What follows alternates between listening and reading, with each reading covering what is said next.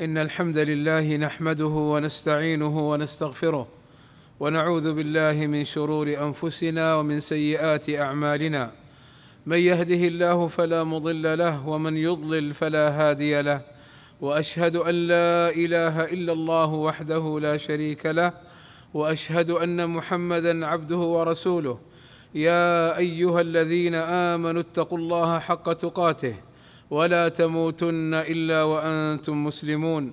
يا أيها الذين آمنوا اتقوا الله وقولوا قولا سديدا.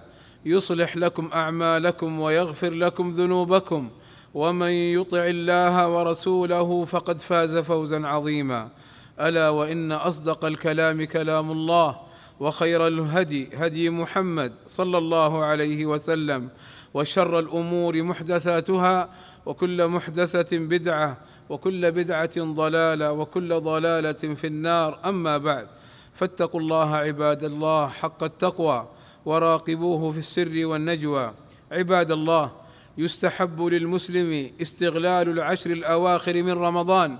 فعن أم المؤمنين عائشة رضي الله عنها وأرضاها قالت كان النبي صلى الله عليه وسلم إذا دخل العشر شد مئزره وأحيا ليله وأيقظ أهله.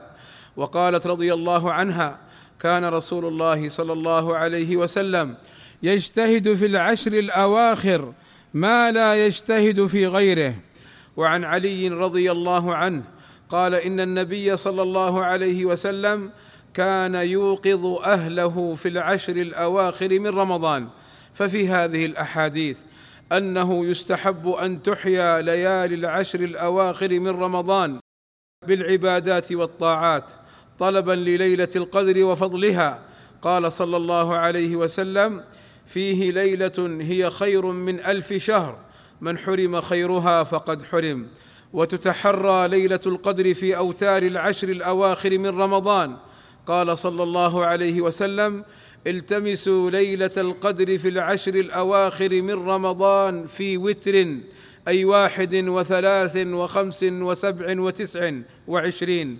ولليلة القدر علامات قد بينتها السنة الصحيحة فمنها في وقتها في أوتار العشر الأواخر واحد وعشرين إلى تسع وعشرين وترا. ومنها أن الشمس تطلع في صبيحتها بلا شعاع ضعيفة حمراء حتى ترتفع ثم يأتي الشعاع بعد ارتفاعها. قال أبي بن كعب رضي الله عنه إن رسول الله صلى الله عليه وسلم أخبرهم بأمارتها فأمارتها أن تطلع الشمس في صبيحة يومها بيضاء لا شعاع لها كأنها تسطن حتى ترتفع. ومنها كثرة الملائكة ليلتها في الأرض. قال صلى الله عليه وسلم إن الملائكة تلك الليلة في الأرض أكثر من عدد الحصى ومنها أن ليلتها أي ليلة القدر ليلة مشرقة سمحة طلقة لا حارة ولا باردة ولا يرمى فيها بنجم. قال صلى الله عليه وسلم ليلة القدر ليلة بلجة أي مشرقة ليلة سمحة طلقة أي سهلة طيبة لا حارة ولا باردة ولا يرمى فيها بنجم ومن علامة يومها تطلع الشمس لا شعاع لها. ويشرع ويشرع للمسلم أن يقول الدعاء المأثور الوارد في تلك الليلة في ليلة القدر. فعن أم المؤمنين عائشة رضي الله عنها وأرضاها قالت قلت يا رسول الله أرأيت إن وافقت ليلة القدر؟ ما أقول فيها؟ فقال صلى الله عليه وسلم قولي اللهم إنك عفو تحب العفو فاعف عني. اللهم إنك عفو تحب العفو فاعف عني. هكذا الذكر الوارد عن النبي صلى الله عليه وسلم وعلى المسلم أن يتقيد به. والله أسأل لي ولكم التوفيق والسداد وأن يغفر لنا الذنوب والآثام. إنه سميع مجيب الدعاء.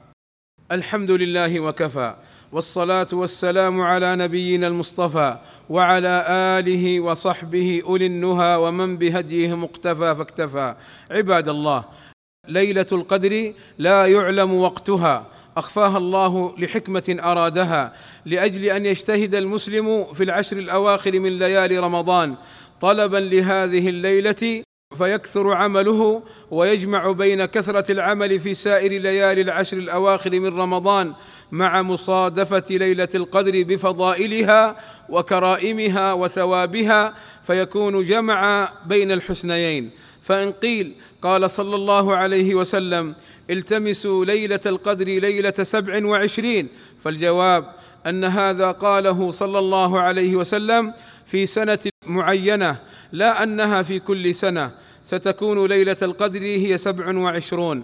بدليل قوله صلى الله عليه وسلم إني أريت ليلة القدر ثم أنسيتها فالتمسوها في العشر الأواخر في الوتر. وقال صلى الله عليه وسلم تحروا ليلة القدر في السبع الأواخر. وقال صلى الله عليه وسلم تحروا ليلة القدر ليلة ثلاث وعشرين فهذه الأحاديث أفادت أن ليلة القدر متنقلة في أوتار العشر الأواخر. عباد الله إذا قال الناس في ليلة مضت بأنها ليلة القدر فلا يعني هذا أن المسلم يهمل التماسها في بقية الليالي ويترك العبادة وإحياء ليالي العشر لأنه قد يظن أنها ليلة القدر.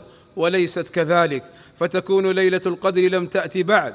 وأما ما يعتقده بعض الناس من أن من علامات ليلة القدر وصباحها أن ماء البحر يكون عذبا وأن الواحد يرى النور فيها ساطعا في الأماكن المظلمة وأن الملائكة تسلم على أهل المساجد وأنهم يرون قناديل ومصابيح تنزل من السماء وأن السماء تتشقق فهذه علامات لم يرد في السنة ما يدل عليها فلا يجوز للمسلم أن يخوض في هذه الأمور بل يتركها ويسكت عنها. عباد الله إن الله وملائكته يصلون على النبي. يا أيها الذين آمنوا صلوا عليه وسلموا تسليما. اللهم صل على محمد وأزواجه وذريته كما صليت على آل إبراهيم. وبارك على محمد وأزواجه وذريته كما باركت على آل إبراهيم إنك حميد مجيد. وارض اللهم عن الخلفاء الراشدين أبي بكر وعمر وعثمان وعلي وعن جميع أصحاب النبي صلى الله عليه وسلم وعن التابعين لهم بإحسان وعنا معهم بمنك وكرمك يا أكرم الأكرمين. اللهم آتنا في الدنيا حسنة وفي الآخرة حسنة وقنا عذاب النار. اللهم فرج همومنا واكشف كروبنا ويسر أمورنا اللهم وفقنا للعلم النافع والعمل الصالح واتباع سنة نبينا محمد صلى الله عليه وسلم.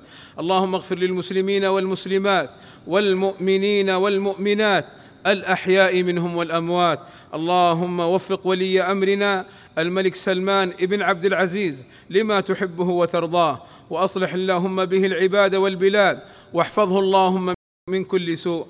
ووفق ولي عهده الأمير محمد ابن سلمان إلى كل خير واحفظه من كل سوء.